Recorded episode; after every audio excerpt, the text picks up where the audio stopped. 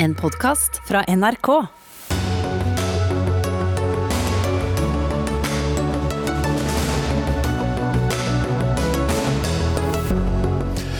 Politikere på Stortinget som takker nei til koronavaksinen, tar ikke rollen sin på alvor, mener Aftenpostens politiske redaktør.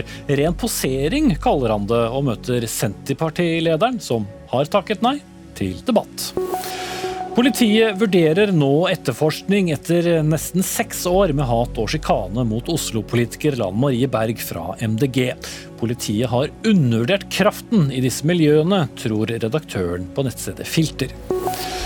Er kulturjournalistikken død? En frilansjournalist lurer på det etter bl.a. å ha sett dekningen av Eurovisjonskandidaten Tix. Og universitets- og høyskolerektorer er sinte på regjeringens forslag om to sensorer under eksamen, for det er de som må ta regningen. Da sier vi velkommen til Dagsnytt 18 på denne tirsdagen. Jeg heter Espen Aas, og senere i sendingen skal vi også innom at Stortinget har vendt tommelen opp for EUs fjerde jernbanepakke. Men mens pinsefeiringen har pågått, har det også vært diskutert heftig om hvorvidt stortingspolitikere burde takke ja eller nei til tilbudet de plutselig fikk om koronavaksine. For i forrige uke gikk regjeringen inn for å vaksinere 500 personer, bl.a. på Stortinget og regjeringen i regi av Forsvarets sanitet. Flere stortingsrepresentanter har imidlertid takket nei. Mange av dem mener at andre bør gå foran dem i køen. Og en av dem som har takket nei, er deg, Senterpartileder Trygve Slagsvold Vedum. Hvorfor nei? Jeg var veldig i tvil etter at regjeringa tok den beslutninga, som de har gjort som kollegium Erna Solberg og Bent Høie i spissen, om at man skulle vaksinere bl.a. Stortinget, Høyesterett og regjering tidligere, og kongehus. Så jeg syns det var vanskelig å være i tvil hva jeg skulle gjøre. Men når jeg leste det oppropet som var fra kommuneoverleger rundt omkring i hele Norge, som har stått i de daglige vurderingene nå siden mars i fjor, så falt jeg ned på at det for min del var rett å, å si nei. For at man lytta til innspillene mest. Men jeg må innrømme at jeg syns det har vært vært vanskelig. Og så står jeg jo i den vanlige vaksinekøen i min egen hjemkommune, og jeg håper selvfølgelig at jeg får vaksine så raskt som overhodet mulig. Men på det tilbudet som regjeringa har gitt, så valgte jeg å takke nei. Mm. Men dere som takker nei, hvilket signal sender dere? Det er jo et signal på at vi lytter på de innspillene vi har fått. Men så kan det være veldig mange grunner for at noen også må takke ja. Det kan være helt personlige årsaker. Innspillet fra regjeringen er jo at dere bør takke ja. Ja, altså jo, Det er de som har skapt denne utfordringa her i utgangspunktet, med Bent Høie og Erna Solberg i spissen. Så De må jo ta ansvar for den situasjonen de har skapt. og Jeg forstår at også mange takker ja. Det kan være familiære ting, det kan være privat helse, det kan være mange grunner for at folk takker ja. Men jeg mener at det var rett for min del å takke nei, og, jeg har tvilt på det. Men det var spesielt etter jeg leste alle de kommuneoverlegene som har stått i den runden og sett på de ulike reaksjonene, at jeg mente at det var best å, å, være i den kommunale køen. Og så håper jeg så alle andre at vaksineringa kommer, kommer, i gang, og at man får vaksinert flest mulig så fort som overhodet mulig, og at jeg selv også får en vaksinedose. Politisk redaktør i Aftenposten, Kjetil V. Alstaheim, dere har jo skrevet på lederplass i dag at de bør takke ja, og at de som takker nei, ikke tar rollen sin på alvor. Hva, hva mener dere med det? Stortinget er jo kjernen i det norske folkestyret, og de som sitter her Dette handler jo ikke om den enkeltes uh, situasjon, men om det å beskytte institusjonen som Stortinget er, som har en så viktig rolle i å kontrollere regjeringen, uh, ettergå de beslutningene som tas, uh, bevilgende myndighet. Og ikke minst da i en krisesituasjon å ha fungerende, en fungerende nasjonalforsamling er, er helt essensielt. Så dette handler ikke om at uh, Trygve Slagsvold Vedum skal gå foran i køen, men om å beskytte den institusjonen sånn at den kan virke. Nå kom, nå kom jo dette ganske sent. Nå er det sånn at uh, De fleste vil få vaksiner i løpet av de neste par månedene. Så, de neste par månedene så vil alle ha fått vaksiner. Men, så jeg mener det burde skjedd før. Men nå er vi jo i en situasjon der det renner inn med vaksinedoser, over 200 000 hver uke. Og det da å bruke 500 av de dosene til å forsvare noen av de sentrale institusjonene i det norske demokratiet og rettsstaten, Stortinget, Høyesterett, noen viktige funksjoner i forsvar, politi og også da kongehuset, mener jeg er helt riktig. Nå har det jo vært en kø nærmest av folkevalgte og regjeringsmedlemmer. og Sist ut nå rett før sendingen begynte var samferdselsminister eh, Knut Arild Hareide. Og tidligere i dag er også helseminister Bent Høie takket eh, nei. Men før vi problematiserer det ytterligere, hvilket signal mener du da de sender, de som eh, gjør som Trygve Slagsvold Vedum og vil gi den videre? Nei, de sender jo, altså, Dette bygger jo på den, det som er en god verdi, nemlig at uh, folk skal, eh, skal altså, Politikere skal ikke få masse fordeler bare fordi de er politikere. Men det er ikke det dette handler om. Det handler om beredskap for samfunnet, for sentrale, viktige institusjoner.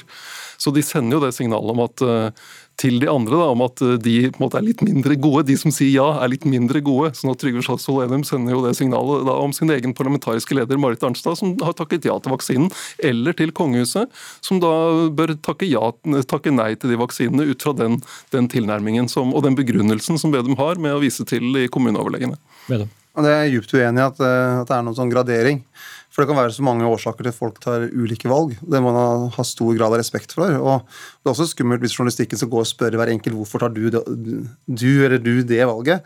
Så, så det her er mitt, eh, mitt, valg, og jeg mener ikke er noe som helst moralsk bedre enn de som tar et annet valg. Men så har vi som har de posisjonene som vi har, eh, må vi da gjøre en eh, vurdering. Tror vi kan klare å gjennomføre vervet på en god måte også framover. Vi har vært i vervet nå over et år under pandemien og har syntes at det har vært mulig å fungere godt selv uten vaksine. Men så har jo selvfølgelig jeg et sterkt ønske om å få vaksine så, så raskt som overhodet mulig.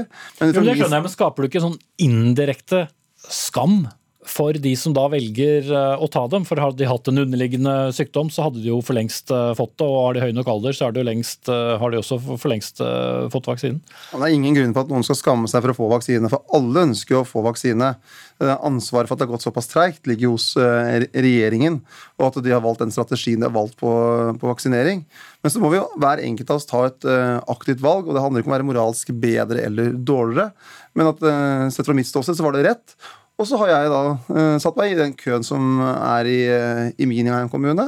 Og så med, med, de kriteriene som der ligger. Og så håper jeg selvfølgelig at jeg får vaksine raskt. Men så ser jeg også i diskusjonen at det, det blir dratt opp at det er en slags form for sånn negativ populisme. At vi nå uh, har ulike som takker nei. Jeg mener det er heller et tegn på at vi har et storting som, som lytter, tar signaler. Også at regjeringa kanskje ikke hadde tenkt seg nøye nok igjennom når de tok mm. beslutningen heller. Ja, akkurat Det ser vi vel kanskje nå, da, Alstaheim, med at uh, også flere statsråder takker nei. Nå skal jo ikke Bent Høie f.eks. Han skal jo ikke ta gjenvalg til Stortinget, og det gjelder vel nesten halve Stortinget også. så Sånn sett så har vel ikke det så mye effekt for det du og avisen sier i dag at skal beskyttes. I tillegg så er det jo ikke så lenge før Stortinget uansett tar, eh, tar sommerferie, og vaksinen bruker jo tre uker på å virke. Ja da, eh, det, det, jeg tror nok Vedum kan si ganske mye om hva det er å ha denne stortingssommerferien. Det er, det er jo, Stortingsrepresentantene jobber jo ikke bare på, på Stortinget, eller utøver ikke vervet sitt bare på Stortinget. De skal være i, i hjemfylket sitt, treffe bedrifter, treffe mennesker. Eh, og drikke, drikke kaffe. kaffe, som Vedum gjør. Og det har vært veldig vanskelig, eh, umulig i lange perioder for eh, politikerne. Og det gjør at de, det blir vanskeligere for dem å representere de menneskene og de delene av landet som de skal representere. Og det, det, at de, Man snakker om en mange ukers ferie for, for, politikerne. Noen tar det kanskje som ferie, men de fleste jobber jo med hjemfylket sitt, og i tillegg kommer det en valgkamp. Jo da, men, men, Poenget mitt var bare at uh, vi står foran en tid hvor uh, han ikke skal overvåke regjeringen like mye. Ja, La meg svare på det. da. Eh, Stortinget kan kalles inn på kort varsel gjennom hele den perioden hvis det trengs. Da må vi ha et operativt storting. Så dette er rett og slett beredskapstenkning. Altså, jeg mener Alsheim har veldig mange gode poenger her. For denne saken her er ikke enkel. Uh, og at Nettopp at de må ha et velfungerende storting, at de må kunne drive en aktiv valgkamp, kunne møte folk. Og så har vi heldigvis klart da, gjennom det siste året hatt et velfungerende storting. Og antallet som blir vaksinert, blir høyere og høyere. Så sannsynligheten for at det er enklere å ha et velfungerende storting framover, er også høyere. Og så håper jo selvfølgelig alle at vi i valgkampen til høsten kan ha mest mulig møter mellom eh, mennesker.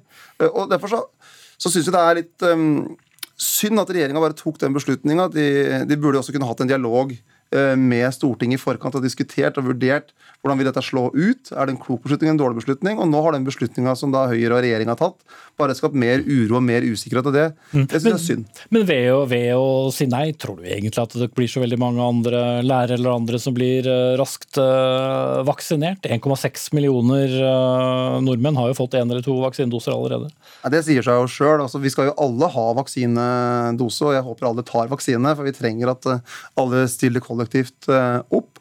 Men her er det jo at vi har valgt et system eh, der du skal prioriteres. og at eh, og jeg mener jo at når regjeringa tok denne beslutninga, burde de i utgangspunktet ha spurt eh, de ulike partigruppene på Stortinget i forkant. Hva mener man om det? Hatt en diskusjon. Og da tror jeg også regjeringa hadde vurdert det annerledes enn det de nå har gjort. For at det, Bent Høie han har jo vært med på denne beslutningen, og så i dag så mener han at han ikke skal gjøre det. Så det har nok vært litt lite gjennomtenkt. Og så får vi ikke fordømme noen av de som tar vaksinen, for det er helt naturlig at mange gjør det. Spesielt mange som flyr mye, som reiser mye, at de gjør det. Okay, men, for... det, men vi må passe oss at vi nå i sluttfasen forhåpentligvis ikke skaper liksom, eh, indre motsetninger, som denne runden her har gjort fra regjeringa sin side.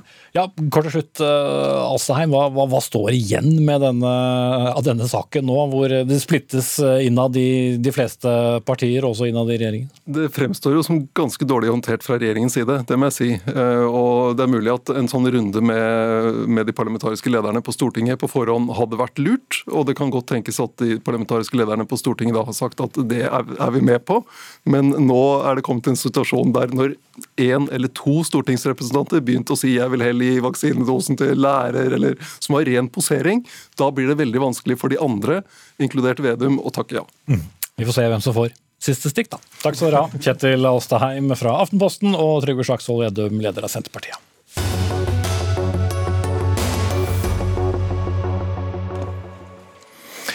En uh, annen sak som har uh, fått mye oppmerksomhet uh, nå i helgen, er det som handler om hets og sjikane av politikere på sosiale medier. Og en av dem som i aller høyeste grad har figurert oftest i mange kommentarfelt, er Oslo-politiker Lan Marie Berg fra Miljøpartiet De Grønne. Og nå vurderer Oslo politidistrikt å etterforske disse hatmeldingene. Når hun smiler, blir det kalt et hånflir, og hun omtales som ei møkkakjerring som bør kjeppjages ut av landet eller låses inne. Harald Klungtveit, redaktør i Filter Nyheter, det er du som har eh, gjort eh, mye av offentligheten kjent med i hvert fall disse siste uh, hatmeldingene som du da delte på, på Facebook. Hva ville du med å både vise frem de som sa det, men også meldingene?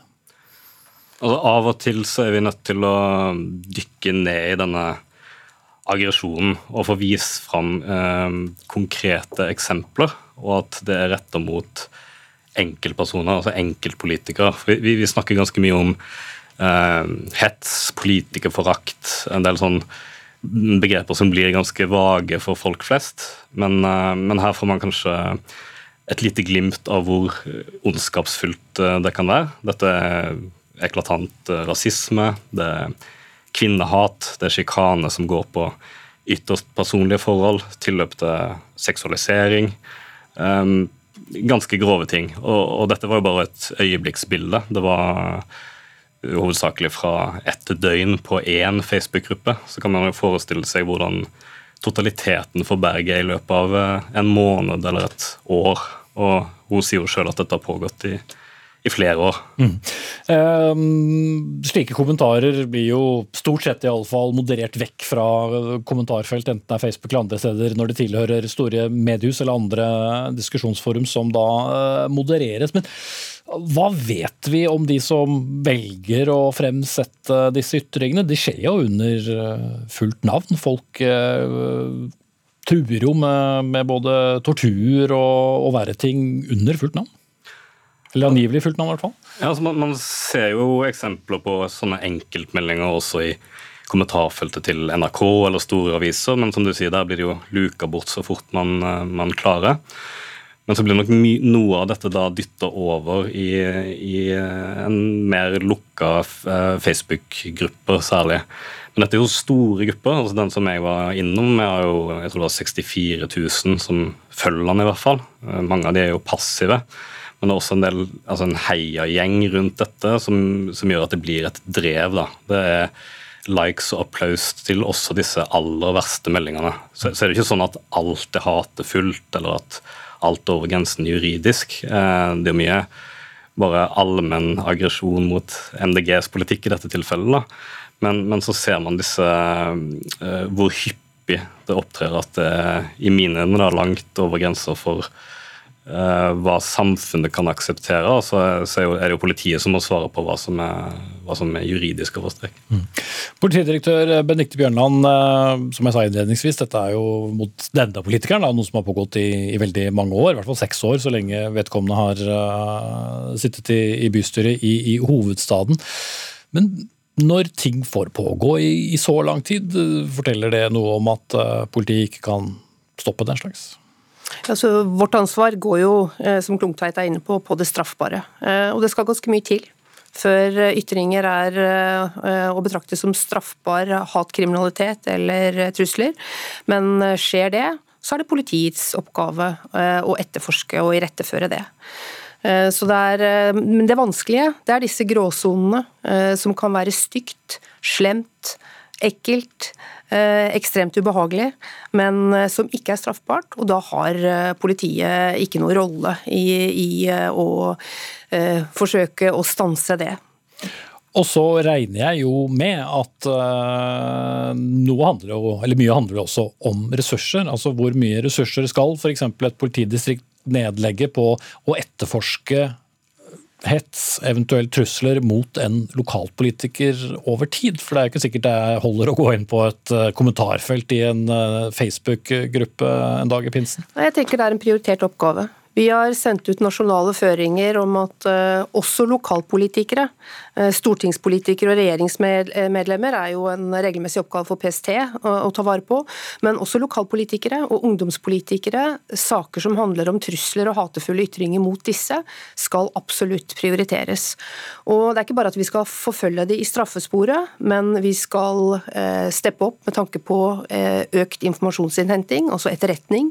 Vi skal tilby sikkerhetsrådgivning. Vi skal tilby faste kontaktpersoner opp mot eh, lokale folkevalgte, sånn at når de utsettes for trusler, uh, andre straffbare handlinger, så skal de kunne lett komme i kontakt med politiet. Men skal dere altså endre måten det jobbes på, altså bruke mer uh, ressurser på dette? Ja, det skal vi. Og vi gjør det ut fra en erkjennelse av at vi i årets trusselvurdering faktisk fremhever trusler mot politikere i stort og samfunnsdebattanter som en av truslene som bør få særlig oppmerksomhet.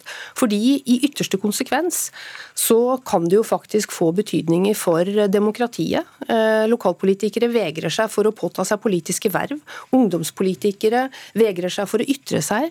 Vi vet fra undersøkelser fra Kommunenes sentralforbund eh, at eh, folk som har vært aktive i lokalpolitikken, har vurdert å trekke seg. De har lagt bånd på sine ytringer som følge av at de har blitt utsatt for trusler og hatefulle ytringer. Og Det er jo egentlig det de ønsker, er det ikke det, Klungtveit? Det er jo ikke sikkert de nødvendigvis ønsker å gjøre alle de tingene de skriver i kommentarfelt, men uh, få politikerne til å trekke seg? Stemningen i disse foraene er veldig ofte ganske bevisst rundt konsekvensen av den sjikanen. Altså man, man jubler jo nærmest når uh, Berg sjøl går ut mot å reagere på hetsen, eller når Tina Bru i Høyre går ut mot det. For det man, man, ønsker den effekten, og man, eh, man roper på mer hets, mer sjikane, sånn at man blir kvitt begge to, eller, eller lignende formuleringer om at man, man, ønsker de helt bort fra, fra, politikken, og det er helt fint hvis denne eh, altså truende atmosfæren og, eh, og personlige sjikanen og kvinnehatet leder til det. Mm. Man har jo etterforsket litt tidligere. Man sier at man skal nå etterforske det mer. Eh, hva tror du er grunnen til at ikke politiet har vært mer på? Det vet jeg ikke, men det som virker litt vilkårlig sett utenfra, er at de fornærma ofte må anmelde selv. Og så ser man jo at noen politikere forteller at de, de, skjermer seg helt fra dette. Altså de, de, vil jo ikke oppsøke alle disse foraene i lengden, og da blir det ganske tilfeldig hva som det blir straffesaker uh, ut av. og der, der, ligger det kanskje noe i at politiet kanskje kan ha en rolle i å få ned omfanget og intensiteten ved å, ved å påtale noe direkte. Mm. Hva tenker du om det til slutt, Bjørn? Nei, jeg tenker jo at det er et godt poeng. Eh, og vi har også noen eh, initiativ nå, bl.a. fra Sør-Vest politidistrikt, som er et stort politidistrikt, hvor de har tilbudt seg lokalpolitikere å patruljere eh, digitalt, Facebook-sidene deres, for på den måten å kunne fange opp det som er straffbart. Men jeg har lyst til å, å, å skyte til at det å komme i bukt med dette, det er ikke bare et ansvar for politiet. Vi har et veldig sånn tydelig mandat som samfunnets sivile maktorgan men det å gå inn i et ubehagelig ordskifte det som kan oppleves som veldig krenkende og ekkelt for, for enkelte politikere, det er ikke nødvendigvis en politisak. Så vi må være veldig Eh, skjønnsomme når vi, når vi, gjør denne jobben. Det betyr ikke at ikke vi ikke skal gjøre det, men vi er avhengig av at samfunnet i stort, og kanskje lokale kommunestyrer, ungdomspolitikere, også lager sine egne kjøreregler. Og sånn er det vi ønsker at denne debatten skal være. Mm. Vi skal uh, ta inn politikere nå, så jeg takker deg av politidirektør Benedicte Bjørnland og redaktør i Filter Nyheter Harald Klungtveit. For det er jo både politikere som har rykket ut og kommet med støtteerklæringer, både til Lan Marie Berg, som for ordens skyld også var invitert hit i dag, men, men som eh, takket nei. Men til sjuende og sist er det også et politisk ansvar at denne kommende valgkampen skal bli mer levelig også på nett, mener du Jette Christensen, stortingsrepresentant fra Arbeiderpartiet, og har derfor sendt et spørsmål til Kommunal- og moderniseringsdepartementet, som eh, har ansvar både for det digitale, men også for eh, gjennomføring av valgkamp. Hva, hva er det du egentlig ønsker svar på, Christensen? Det jeg ønsker svar på, er hva er planen for at eh, den offentlige samtalen som er vårt felles demokrati, som forvalter vår felles deltakelse. Hva er planen for at den skal være så åpen og så imøtekommende og så ryddig som mulig? Nå går vi inn i en valgkamp som kommer til å være veldig mye mer digitalisert enn tidligere. Vi har ytre trusler, vi har åpenbart indre trusler, som ikke bare er, er fysiske trusler, men som også er trusler mot demokratiet, som eh, panelet tidligere har diskutert. Eh, dette her eh, utfordrer demokratiet vi har i dag, og det gjør det vanskeligere for demokratiet i morgen. Fordi at jeg er ikke nødvendigvis så bekymra for enkeltpolitikere som i dag har en posisjon. Det jeg mest av alt er bekymra for, er de som ser hetsen mot dagens politikere, og da velger å ikke bli politiker, f.eks. Det jeg etterlyser, er hva er den strategiske planen for at norsk offentlig ordskifte skal forvaltes på en ordentlig måte som er, er ivaretar vårt felles demokrati. Okay. Hvis den planen finnes, så virker den ikke. Nikolai Astrup, kommunal- og moderniseringsminister fra Høyre. Din eh, partikollega og eh, nestleder i partiet, Tina Bru, rykket jo ut til støtte for Lan Marie Berg i helgen. Men eh, har dere noen plan utover å forsvare de som blir hetset? Altså jeg tror eh, Hat, trusler og trolling på nett det er ikke noe regjeringen kan bekjempe alene. Eh, og ja, vi har tiltak, og mer vil det komme. Men, men, det er noe vi som samfunn sammen må jobbe for å, å bekjempe og få til et mer sivilisert ordskifte. Eh, men det, eh, altså vi, jeg tror det er viktig både med kunnskap, så vi jobber nå med en kunnskapsinnhenting om konsekvensene av eh, den polariserte debatten som vi, vi ser, og trusler og hat på nett. Eh, men også med en veileder som kommer før sommeren, som skal gi eh, politikere eh, og andre samfunnsdebattanter verktøy for å på en måte forsøke å forebygge og håndtere de situasjonene som oppstår. For Jeg er helt enig med Jette Christensen at det er et demokratisk problem hvis unge mennesker blir skremt fra å delta i politikken. Eller ikke, kan ikke være unge, de kan være hvilken som helst alder i og for seg. Men også hvis andre trekker seg fordi belastningen blir for stor. Mm. Men Det er sikkert de aller fleste også enig i, men mye av denne valgkampen kommer til å skje digitalt, akkurat som, som eh, den forrige.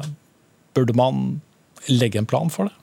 Ja, og eh, vi har jo i og for seg en plan for det, med, med de tingene, mer kunnskap, en veileder, men også at vi nå fra 2021 oppretter et eget kompetansesenter mot netthat i politiet. Eh, og Det er jo nettopp fordi at det må også etterforskes, eh, slik at de som går over grensen, eh, blir tatt, og at det får en konsekvens.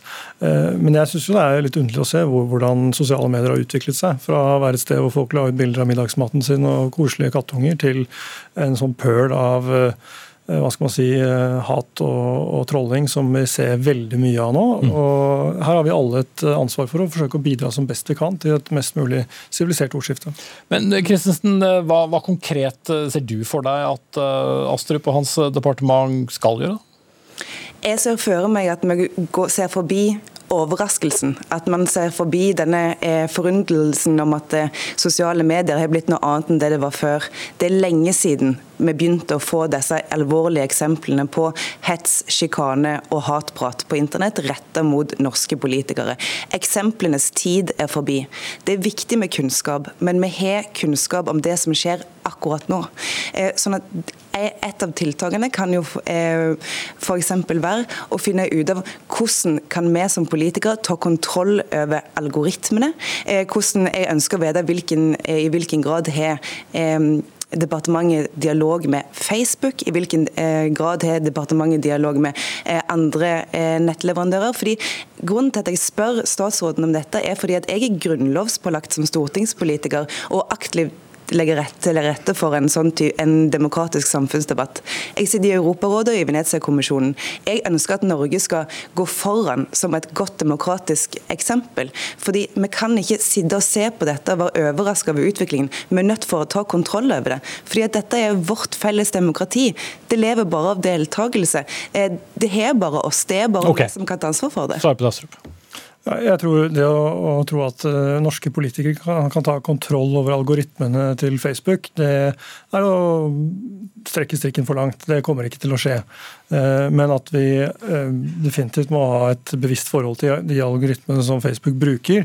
Jo, for, for Som statsråd i, i, et europeisk land, statsråd i Norge, så har vel du også en mening om hvilke begrensninger som bør være også på, på sosiale medier? Absolutt, men det er altså ikke algoritmen i seg selv her som er problemet. Det er folk som skriver eh, ting de ikke burde skrevet, eh, som går langt over grensen på nettet. og Det er også ikke Facebooks uh, feil ene og alene at folk skriver de tingene. Folk må faktisk ta ansvar for det de legger ut selv.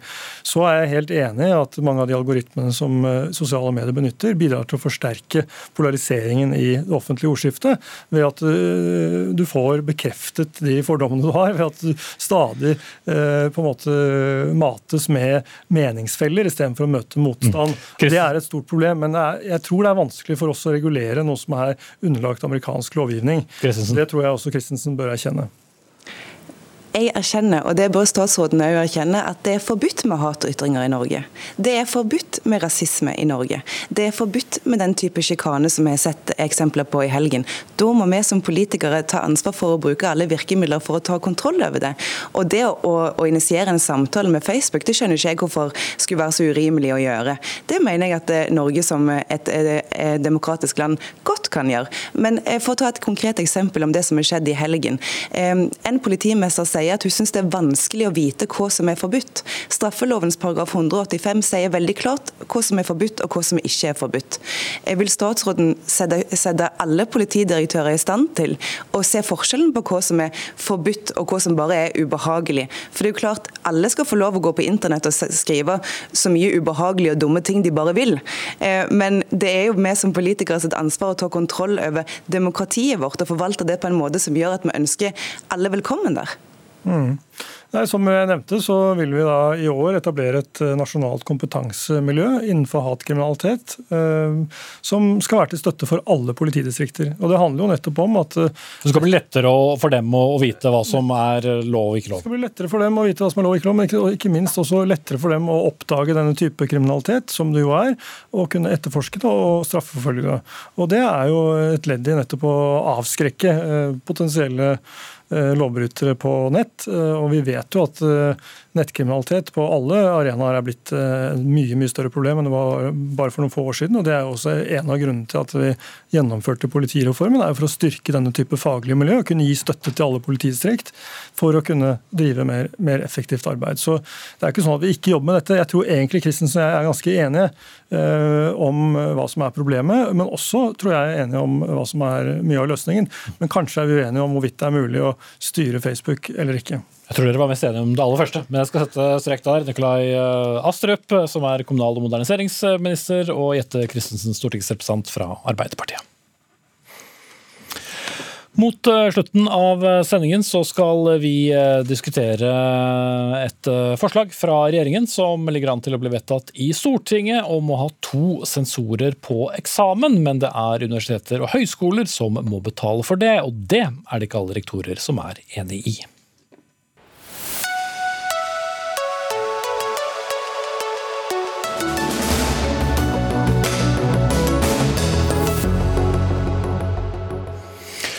Så skal vi snakke om eh, journalistikk, nærmere bestemt eh, kulturjournalistikk. Eller eh, skal vi si mangel på sådan. For i et mye delt innlegg på nettstedet TBA, eller To Be Announced, kan vi lese en kommentar om at de kritiske spørsmålene ofte uteblir nettopp i kulturjournalistikken. Og ved å bruke artisten Tix som et eksempel, han med solbriller og, vinger som uh, var med i Eurovisjon i helgen, så skriver du, frilansjournalist Kari Christensen, at uh, kulturjournalister har sluttet å være kritiske og gått over til å være mikrofonstativ for enere på topp. Gjelder det her, eller gjelder det generelt? Ja, jeg tok jo eh, TIX som eksempel. Og For å nevne noen av eksemplene der, så eh, så jeg jo en Kveldsnytt-sending etter han vant, tror jeg, eller rett før han vant, eller noe, eh, om at han sier at han har alltid jobba eh, i motbakke med musikk. Og så så jeg også programmet Haik med Kristine Danke. Eh, hvor hun da eh, veldig forsiktig eh, prøver å for, forsøke å, å, bevege seg over til den kritiske delen av uttrykket hans, da, der han kaller det et bakholdsangrep. Og etterfulgt av at det er null grunn til å stole på media etter all hetsen jeg har fått og at han heller vil snakke om det fine med låtene. og Dermed så delegitimerer han eh, hennes virke. da.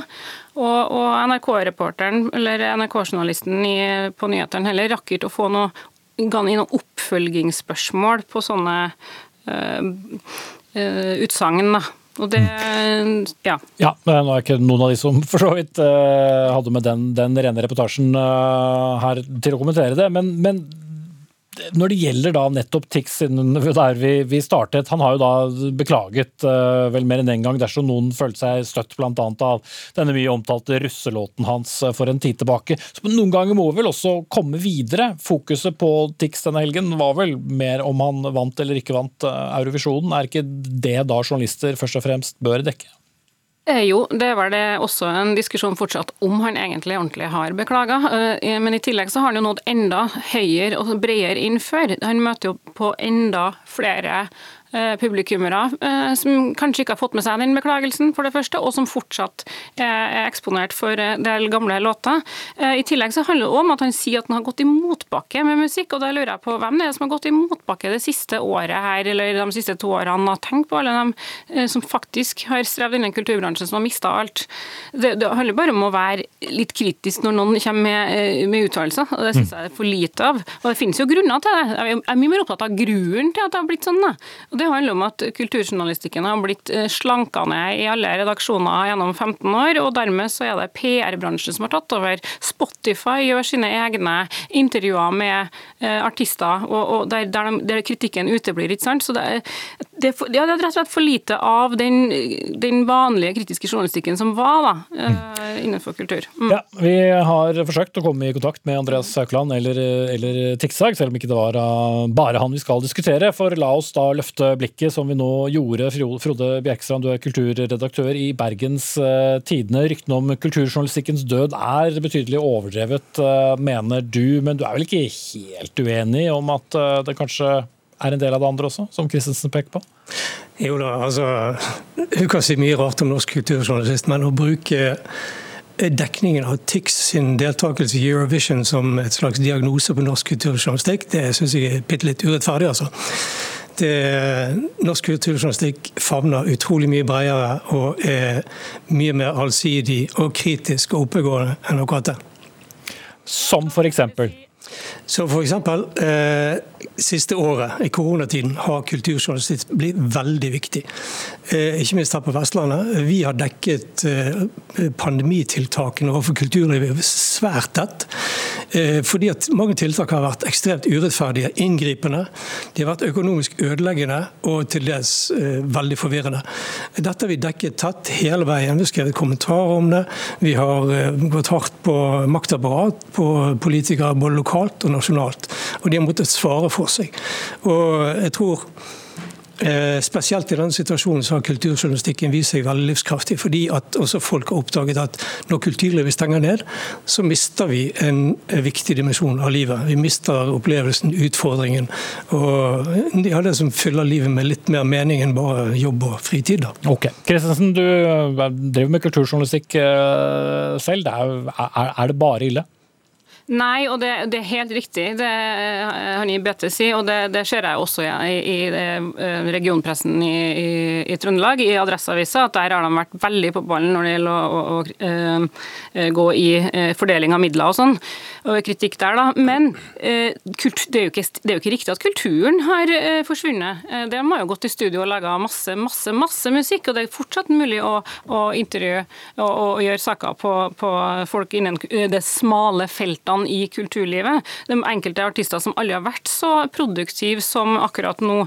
Men så er det noe med at denne underholdningsjournalistikken det er akkurat som om at, for det er Noen som har sagt til meg at ja, men det der er underholdning, men det er jo ingenting som det er jo ikke et eget fag, det. er Underholdningsjournalistikk som har en egen Vær varsom-plakat, ikke som jeg vet, i hvert fall. Og den har jo også erstatta mye av eh, eh, altså den litt mer den smale, eh, smale altså Nå snakker jeg jo mer, ofte om NRK, da, jeg vet ikke hvordan det ser ut i alle lokale avisredaksjoner rundt omkring. Men det, det vi blir vitne til, er veldig mye underholdning. da, og kanskje litt for lite kultur og for lite kulturkritikk. og Da blir det sånn at alle sånne kritiske spørsmål til sånne storheter da, eh, oppfattes som sånn at noen skal ta deg, og det er et bakholdsangrep. Ja, nå har vi ikke invitert noen fra, fra, NRK, og jeg skal ikke svare for NRKs uh, kulturjournalistikk, for det, det, er ikke det jeg driver med. Men, men Bjerkstrand, for å, å, å, ta nettopp det med underholdningsjournalistikken da, på deres egne kultursider i dag, ligger det riktignok en NTB-sak, men dere har den jo på, på front om at norsk eurovisjonsdeltaker tok av seg solbrillene under generalprøven. Er det journalistikk? Kulturjournalistikk? Ja, det er også en type journalistikk, men det er ikke den eneste typen kulturjournalistikk. og Det er det som blir så rart med disse diskusjonene her. For det at Vi forholder oss enten til bare det NRK gjør, bare det hovedstadsavisene gjør. Og det er faktisk veldig stor forskjell på hvordan norske aviser dekker lokalt og regionalt kulturliv. Vi har forskjellige prioriteringer, vi har forskjellig publikum, forskjellige målgrupper. Og Det betyr, det får også konsekvenser for måten vi dekker kulturliv på. Eh, heldigvis er Bergen og Vestland Vestland er en utrolig kulturbevisst region, der kultur er for oss er kultur et veldig viktig tilbud til våre lesere. For å gi dem et, eh, et fullverdig journalistisk tilbud av det som foregår her i regionen. Og eh, for oss handler eh, har, Jeg skal gi litt rett der, du er i Trondheim. Fordi at kulturjournalistikk i Norge har vært til dels veldig servil og konservativ og kanskje ikke vært så endringsvillig som han burde ha vært når eh, den store økonomiske krisen satt inn i, i norske medier for 10-15 år siden. Kulturjournalistikken har blitt hengende litt igjen, og det er veldig synd. For den, den, har vært litt intern, litt for medforstående og sympatisk, og for lite kritisk. Eh, dette har vi forsøkt å gjøre noe med, og det har vi lykkes ganske godt med. Også våre kollegaer i Stavanger gjør kjempejobb med å følge pengene. Eh, norsk kulturliv er for en stor del offentlig finansiert, og det er vår oppgave å sørge for at eh, disse pengene blir rettferdige. Mm. Skal få det siste få sekundene av meg, Christensen. Det er vel, det er vel litt godt å se òg? Av journalistikk? Absolutt, og jeg er veldig, er veldig glad for at, den, at, man følger pengene. som man sier, for at Kulturjournalistikken er ikke noe annet enn den vanlige journalistikken. Alt det der henger sammen. Og jeg tror jo ofte at, at uh, den content-journalistikken som har kommet, da, og alle PR-sakene, uh, har spist opp en del av flatene ikke sant, gjennom YouTube og diverse andre sosiale medier. Så folk er ikke like mye vant til å få de kritiske spørsmålene som de en gang fikk av journalistene. da. Mm. Dermed er det understreket og punktum satt i denne omgang. Takk skal du ha, Kari Kristensen, frilanskulturjournalist, og Frode Bjerksand, kulturredaktør i Bergenstidene.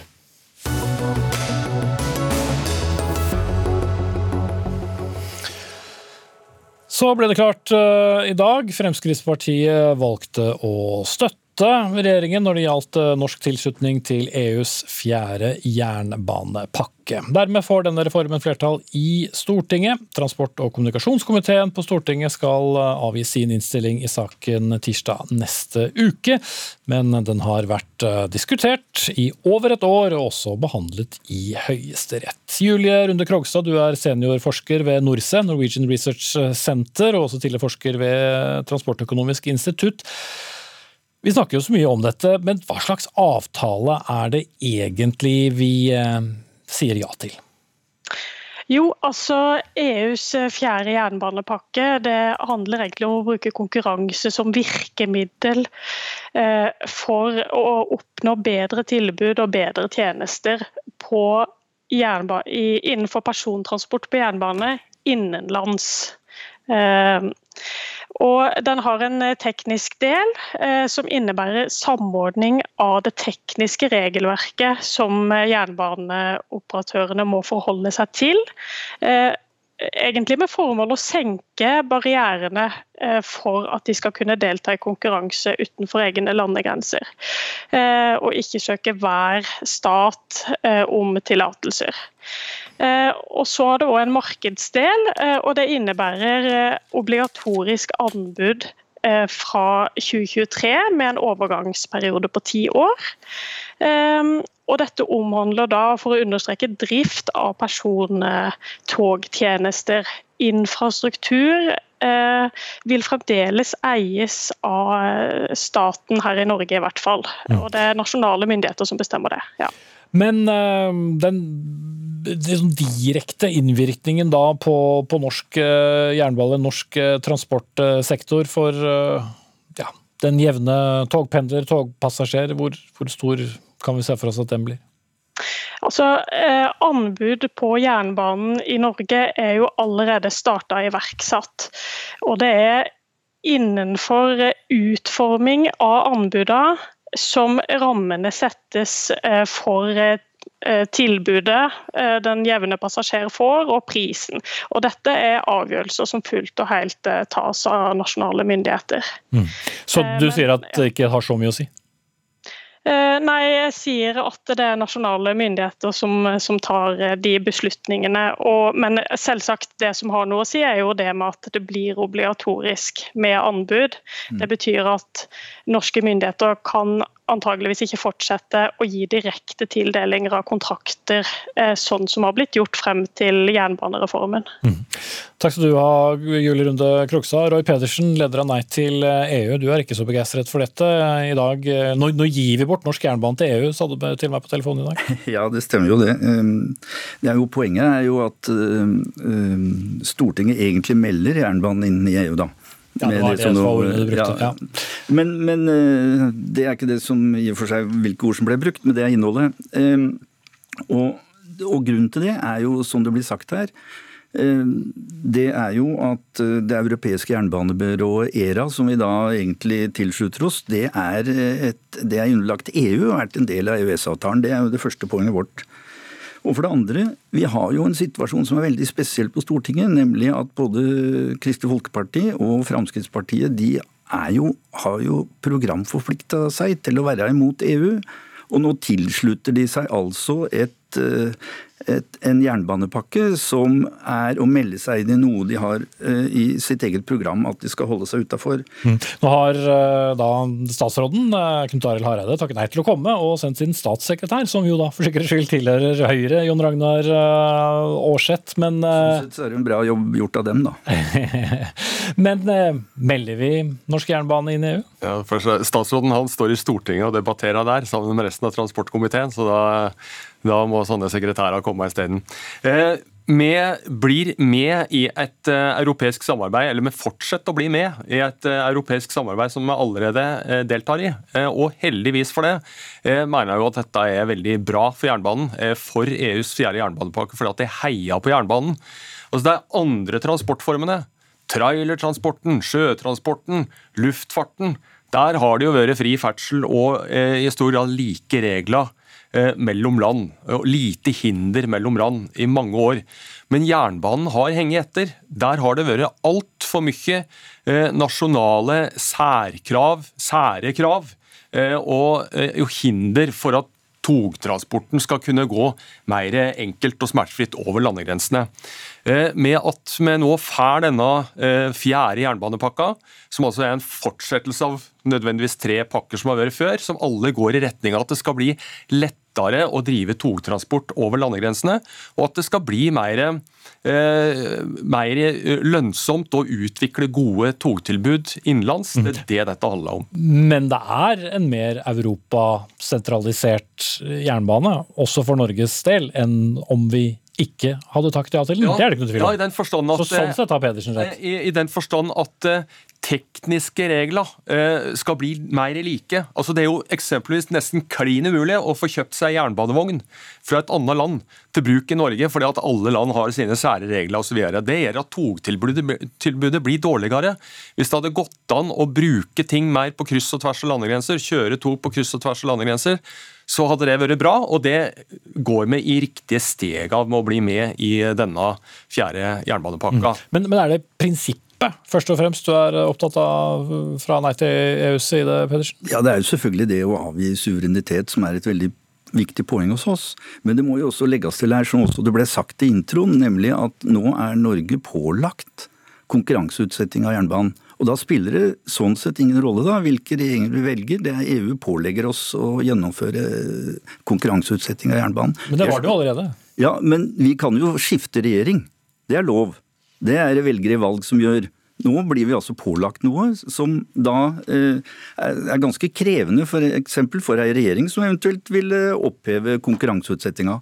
Eh, jeg syns jo øh, Samferdselsdepartementet her overdriver veldig mye de vanskene som er i forhold til å drive f.eks. jernbane på kryss og tvers i Europa. Altså, øh, det er jo også sånn i dag at det finnes land som har, øh, har jernbanesamarbeid med EU-land uten at de er medlem av EU. Storbritannia har havnet i den situasjonen. Russland har faktisk. Norge har jo hatt jernbanesamarbeid med Sverige i mange år uten at det har vært noen store problemer. Så jeg syns det som kommer fram her, egentlig er en unnskyldning for, og skal dekke over, at vi avgir suverenitet til EU.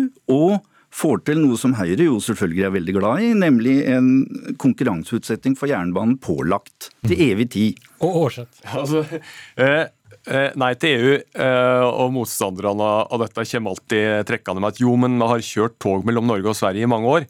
Ja, jeg har litt større perspektiv for jernbanen enn at det skal kunne gå tog mellom Norge og Sverige. Det er jo eh, nesten klin mulig å, å, å, kjøre tog lenger enn over til Sverige. Det, og det, det er altfor mange hinder, og det, gir, altså det, er en ulempe for jernbanen. Jeg ønsker at jernbanen skal kunne klare seg i konkurranse med trailertransport og, og, og, fly- og sjøtransport. Eh, og EUs jernbane, jernbanepakke eh, hjelpes litt på veien eh, for å få til det. Mm. Det var en, en i debatten, et lite poeng her for å uh, sette ting i perspektiv. Det var en i debatten her som sa at uh, vi har hatt EU-kontroll på bil i ganske mange år uten at noen har sagt at nå blir alle bilene våre styrt fra Brussel. Nå får vi det samme for jernbanen, og det er en god sammenligning. Jeg er sikker på at du er uenig i akkurat den, den sammenligningen, men det skulle egentlig poengtere for deg, Årsid. Altså, når, men når det gjelder anbudsprosessen, da. altså har det så langt vært en, en god ting for norske togkunder med, med, med anbudsprosessene i, i, Norge, med togselskaper som da leverer til et lavt anbud? Eh, ja, det mener jeg definitivt. Og, her vil vi bare se effekten eh, bli større eh, etter kort som tida går. Det som Go-Ahead anbuds... sliter på Sørlandsbanen, eller Sørbanen? Det som, altså, hele jernbanen er jo nå råka av, av pandemien. Altså, nå betaler vi alle togselskapene for at det i hele tatt skal gå tog. For det hadde ikke vært lønnsomt for noen å kjøre tog med, med så lave passasjertall som det er nå. Vi oppfordrer jo folk til å ikke reise òg.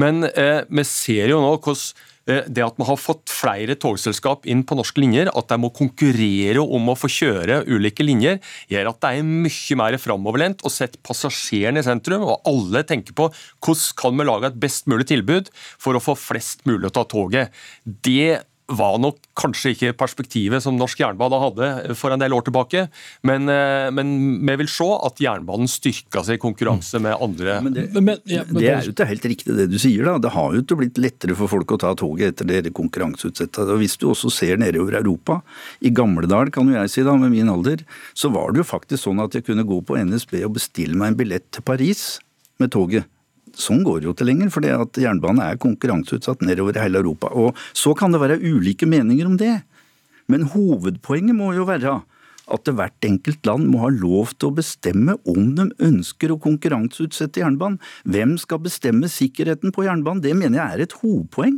Mm. Det er jo ikke bare at vi skal frakte passasjerer, vi skal også frakte dem trygt. Mm. Og det er dere veldig ivrig for at det skal undergraves, bl.a. med å tilslutte seg eh, jernbanepakke 4. Og det, det, er selvfølgelig vi imot, og vi beklager veldig at dere har fått med dere Kristelig Folkeparti og Fremskrittspartiet til å avgi suverenitet på dette området, sjøl om de to partiene begge er imot EU. Ok, Da har du fått gjentatt at jeg skal eh, sette strekk for uh regjeringspartiet Høyre får det som eh, den vil når det gjelder denne jernbanepakken. Det blir flertall for det. Takk til Jon Ragnar Aarseth, statssekretær i Samferdselsdepartementet fra Høyre, og Roy Pedersen, som er leder i Nei til EU.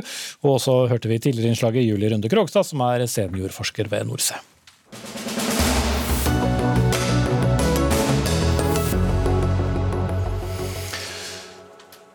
Så skal vi høre at Eh, rektorer på universiteter og høyskoler ikke er særlig begeistret for at de må betale for at regjeringen vil innføre en ny eksamensordning med to sensorer på eksamen. Det vil koste mer, det sier også Utdanningsdepartementet, og sier at her må utdanningsinstitusjonene selv prioritere. Men Marit Reitan, du er prorektor for utdanning ved NTNU i Trondheim. Én ting er selve denne kostnaden, men ditt hovedpoeng er at det er helt unødvendig å innføre dette. Hvorfor det? Altså mitt hovedpoeng er at jeg ønsker at politikerne vedtar en universitets- og høyskolelov som ivaretar studentene sine rettigheter til et godt læringsmiljø, til gode vurderingsformer som eh, fører til læring. Og med det mener jeg vurderingsformer som er variert, som gir studentene tilbakemelding i semesteret, som fører til, fører til oppfølging av studentene. Det er vurderingsformer som er godt forankra i den internasjonale forskningslitteraturen, for det er vurderingsformer som fører til mest mulig læring og utdanningskvalitet. Mm. Men her vil jo kvalitetssikre da uh, at uh, studentene får en skikkelig eksamen ved å ha to sensorer? Altså, jeg oppfatter at vi har gode nok kvalitetssikringssystemer. Vi har et bredt repertoar av kvalitetssikringssystem og eh, mekanismer i det eh, dagens UH-lov. Jeg er opptatt av at vi må ha et bredere perspektiv på å ivareta studentene sine rettigheter. Og de rettighetene er knytta til utdanningskvalitet mye bredere enn akkurat den avsluttende eksamen. Vi ønsker jo å utvikle nye undervisningsmetoder. Vi ønsker at studentene skal lære mer underveis i semesteret, og det er nettopp det studentene er opptatt av. F.eks i Studiebarometeret gi oss mer tilbakemelding underveis, sånn at vi kan lære, sånn at vi kan ha progresjon.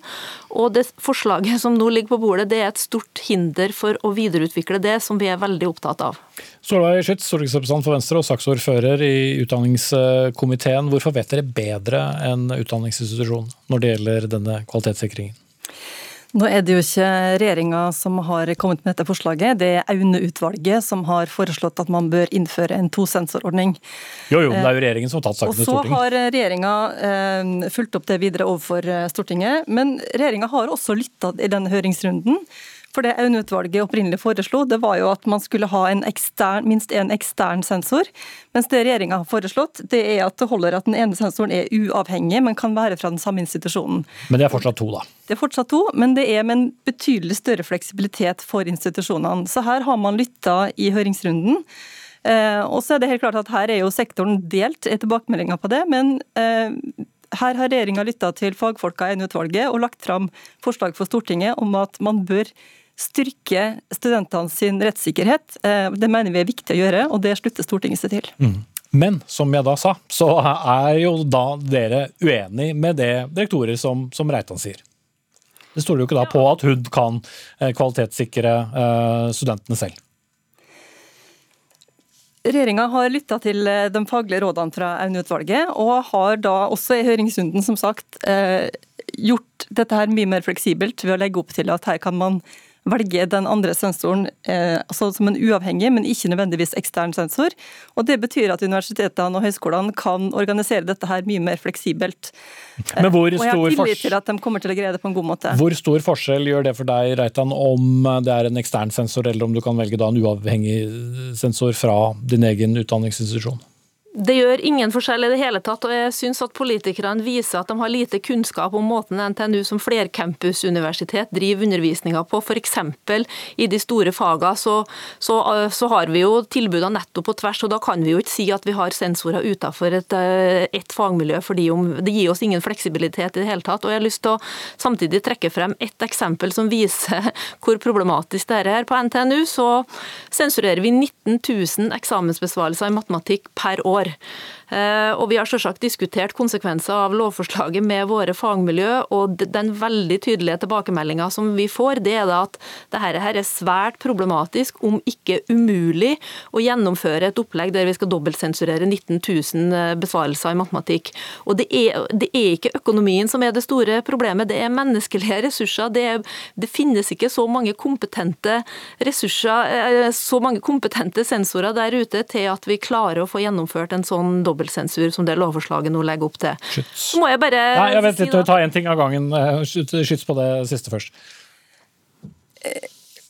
Ja, altså her, eh, som sagt, eh, Dette her er ikke noe som politikere har funnet på. Dette her er noe som Aune-utvalget har foreslått, fordi man rett og slett ser jo, her, men det er dere som vedtar ja, det. Men her ser man at man trenger å styrke studentene sin rettssikkerhet.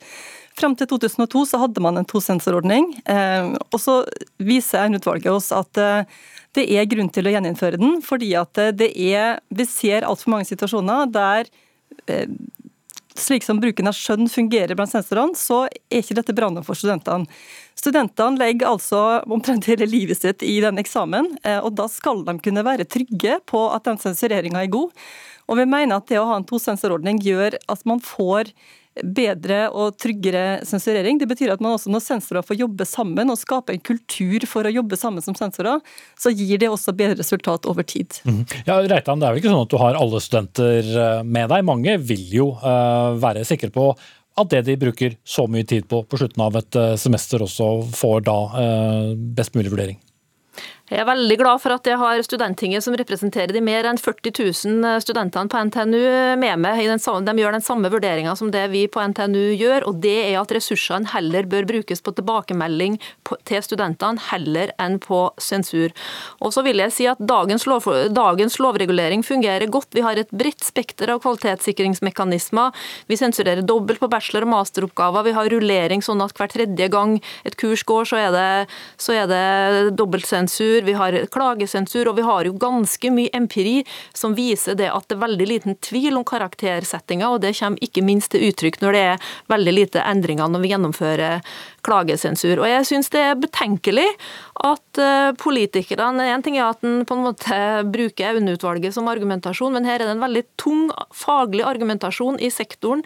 Ikke minst så kom det et innspill fra, fra fem av våre sentre for fremragende utdanning til komiteen når, når komiteen behandla saken, som var veldig tydelig på det faglige grunnlaget om at dette er en feil måte å tenke utdanningskvalitet på fremover. Så jeg synes Det er veldig beklagelig at politikerne ikke hører på den faglige argumentasjonen. Schütz.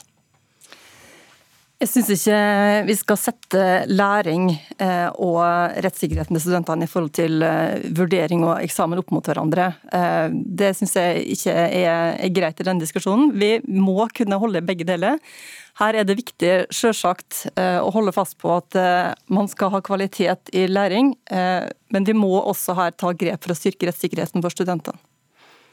Vi rekker et svar på det, Reitan, før vi stenger. Det vil føre til en massiv forflytning av ressurser fra det vi kan bruke til undervisningskvalitet, til vurdering og gi studentene tilbakemelding, til å følge opp det de etterspør i studiebarometeret. Det vil være en massiv forflytning av ressurser derifra og over til, til evaluering av et sluttprodukt som i forhold til pedagogisk eh, forskning og det vi vet om læring, har mindre verdi. Ok, jeg får i hvert fall ikke dere til å bli enige, det kan jeg love. Solveig Skytz, stortingsrepresentant fra Venstre og saksordfører for saken i Stortinget. Marit Reitan, prorektor for utdanning ved NTNU. Vi får håpe at vi sto til prøven denne sendingen. Ansvarlig for den var Anne Katrine Føhler. Teknisk ansvarlig Ida Larald Brenna. Jeg heter Espen Aas. I morgen er Sverre Tom Radøy tilbake med en rykende fersk sending.